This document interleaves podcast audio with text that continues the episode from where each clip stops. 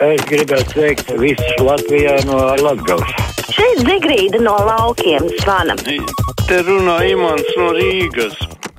Tāruņa numuru mūsu studijā 6722, 888, 672, 559, rakstiet uz adresi kruspunktā Latvijas radio.clv vai sūtiet ziņu tieši no mūsu mājaslapas. Klausītājs zvana. Halā! Labdien! Labdien! Varēs, varēsiet uzdot pārdomas izteikt. Jūs varat jau tagad, jūs esat ēterā. O, paldies! Šeit Kārlis no Jālgavas puses. Par to Covid runājot par tām labām un sliktām ziņām. Šeit tele, nesen televīzijā pirms dažām dienām cienījamais doktors Abu Mērī teica, ka viņas profesijas saistītās slimības, ja agrāk bija 5% tikai uz nervu pamata, tad tagad no 20 gadījumiem 15 ir uz nervu pamata. Un tieši tāpēc ir jautājums, kādēļ mēs tik daudz saistībā ar Covid pieminam nāves gadījumus. Jo nāve kā tāda, diemžēl, statistika pat par sevi rāda, ka Latvijā katru dienu mirst vidēji 68, un tie visi mirušie saistībā ar Covid. Viņi tikai saistībā, ne jau tikai dēļ Covid. Tā kā lūdzu, nevajag tik daudz cilvēkus baidīt, jo varbūt tās baidīšanas rezultātā cilvēks saslims ne jau tikai ar tā doktora abu mērijas slimībām, bet arī visām citām pārējām. Jā, paldies. Un tomēr, un tomēr, pirmkārt, ir cilvēki, kuri mirst arī tieši no covid, eh, kas ir sabojājis plaušas, otrkārt, sāsinās arī citas slimības, un cilvēks eh, varētu ne, nepiedzīvot šo sāsinājumu, un kas ir vēl jo sliktāk, un kas var provocēt arī nāves no citām slimībām, ir tas, ka ir ļoti apgrūtināta veselības aprūpas sistēma. Tie tūkstoši cilvēki, kuri guļ slimnīcās, eh, viņi aizņem gultas, viņi aizņem mediķus, kuri varētu strādāt ar citiem pacientiem, un, diemžēl, arī mediķi slimo un nevar aprūpēt tos citus pacientus. Tā kā tā citas palīdzības sliekšana, sniegšana arī var būt novēlot, un tas arī var būt nāves iemesls. Tā kā, nu, tā ir ļoti bīstama problēma, un cilvēkus varbūt vajag vairāk vēl baidīt, ja viņi neapzinās nopietnību, jo tagad slimnīcās ir ārprāts. Klausītājs zvana. Halo! Halo, labdien! labdien. Nu, es uh, izstāstīšu pilnīgi reālu, reālu notikumu, kas bija šovasar saistīts tagad viņš gan ar Covid. Gan ar mums cilvēkiem, gan mazliet ar mistiku un ar to, ka, ka fantēs dažreiz pārvēršas, bet ne, ne jau katru reizi par pozitīvu pārvēršas. Man bija atbraucis draugs no Lielbritānijas. Ja? Un tad mēs pavadījām kopā laiku, smējāmies.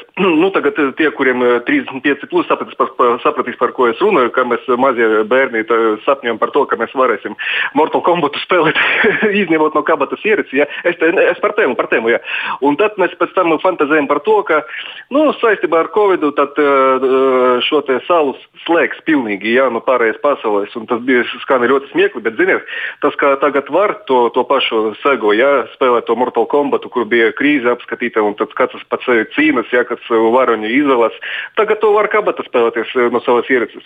Un tagad arī sala ir slēgta. Kaut kāds dežavu ļoti, ļoti mistisks un ļoti biedošs. Par ko tad es varu, vai es vai vēl kāds cilvēks var iedomāties? Varbūt, varbūt tā, nu, ne, es negribu sabiedrēt visu, es to pabeigšu. Negribu sabiedrēt. Vienkārši lieta ir tāda, ka jāpieņem, ka spēlē un spēlēt, spēlēties uh, vairs nedrīkst. Va, va, vajag pilnīgi uztvert uh, to nopietni. Un es tagad, kā jūs tagad runājat, ja, to cilvēku iepriekš, kurš zvanīja, mēģinot viņam mainīt kaut kādas domas. Cilvēki, lūdzu, nu, tas ir ļoti bīstami. Ja, ja, ja jūs domājat, ka tomēr tas notiks kaut kā tas pāries, nē, nu, skatieties, labi, vēl trīs sekundes, ja, skatieties, ko, ko tas vīrus īsti dara. Ja. Tas jaunais štams, viņš tagad mēģina izkonkurēt iepriekšējo iepriekšējo. Bet laba ziņa ir tāda, ka viņš nav tik nāvējošs. Un varbūt galu galā būs tā, tāds vīrus, kurš visus savus tos iepriekšējos vīrusus izkonkurēs. Un varbūt mums tomēr kaut kādas izredzes ir. Jā, paldies. Jā, nu, par to nav tik nāvējoši. Tur uh, vēl, man liekas, nebija līdz galam pateikts. Bija teikts, ka viņš nav uh, trakāks, bet uh, vai viņš ir maigāks par to pirmo, tur vēl nav īsti skaidrības. Tā klausītājs raksta, būtu interesanti kādu raidījumu veltīt Krievijai un tieši pēdējiem skandālam Navaļnei indēšanas lietai gribētos dzirdēt speciālistu viedokli. Es piekrītu. Es domāju, ka agri vai vēl diplomātisko pusdienu veidotāji pie tā pieķersies šajā nedēļas nogalē, ne, bet šajā ceturtdienā, kas ir Ziemassvētkos, tad ir īpašs raidījums ar citiem tematiem, tad eh, jau droši vien, ka nē, bet, nu, droši vien, ka jaunajā gadā. Es domāju, ka šī lieta tik drīz nenoklusīs, tā kā par to varēs runāt un runāt. Klausītājs Vana, halo! Labdien! Labdien! E, jau vēterā, jā?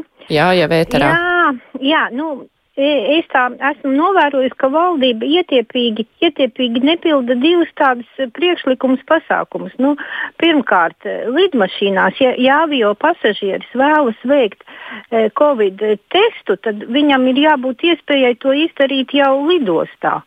Un, un noteikti, ja viņš izrāda tādu vēlēšanos. Un otrkārt, pārbaudot tos uh, Covid tās, um, tos Covid pasus, to, to lietotni, ja, robežsargi, viņi varētu arī veikt ātro temperatūras vienkāršo mērīšanu, jo daudziem varbūt arī ir kaut kādi pārnēsātāji, tad viņus novirzīt uz tuvākajiem, ieteikt doties uz tuvākajām Covid analīžu vietām. Mm -hmm. Nu jā. Edgars raksta ar baidīšanu, jūs cilvēkus tik vairāk sakaitināsiet un cilvēki vairāk pretosies visam, kāpēc mums Somijā cilvēki visu ievēro, kā ko valdība saka, jo viņi iesaka to un to darīt, bet neuzspiež, un Somijai valdība uzti, Somijā valdībai uzticas, bet Latvijā neusticas un arī neusticēsies tieši šai valdībai. Edgar, jūs runājat par ļoti svarīgu lietu, jā tā ir uzticēšanās šajā gadījumā. Mums tradicionāli cilvēki valdībām neusticas, un tas jau ir sen, un varbūt tur arī ir lielā atšķirība, ka Somijā. Uh, principā cilvēki vairāk uztic savai valdībai, un tāpēc viņi arī gatavi ievērot ierobežojumus, bet mums protestē pret to, ko valdība saka, jo nav uzticība politiķiem tā klausītāji ar vaicā, kā ārstē pacients no Covid. Visi zināmie apgalvo, ka nekādas zāles nedod, tikai dzert tējas, kādēļ tad aizņemt gultas vietu, izņemot, protams, smagā stāvoklī. Ārstē slimnīcā jau ar zālēm un ārstē arī uh, no izraisītajām komplikācijām. Tur jau var kaut kādas zāles piemērot. Tas, ka Mājās ar tējām lielākoties, nu jā, mājās tur neko daudz nevar izdarīt. Ilza saka, Māra, aizveriet muti un beidziet baidīt. Tiešām vairs nav iespējams klausīties radio. Nu, trakums, Ilze. Tā, klausītājs zvana. Halo! Labdien! Labdien! Vakar noklausījos tajā raidījumu un man attausa gaisma, ka tiešām ceturtā vāra kļūst pirmo varu. Es to tā ļoti pārliecinoši paziņoju. Kompāniju es ļoti cienīju, cienīju līdz šim. Savu kompāniju tur birošu.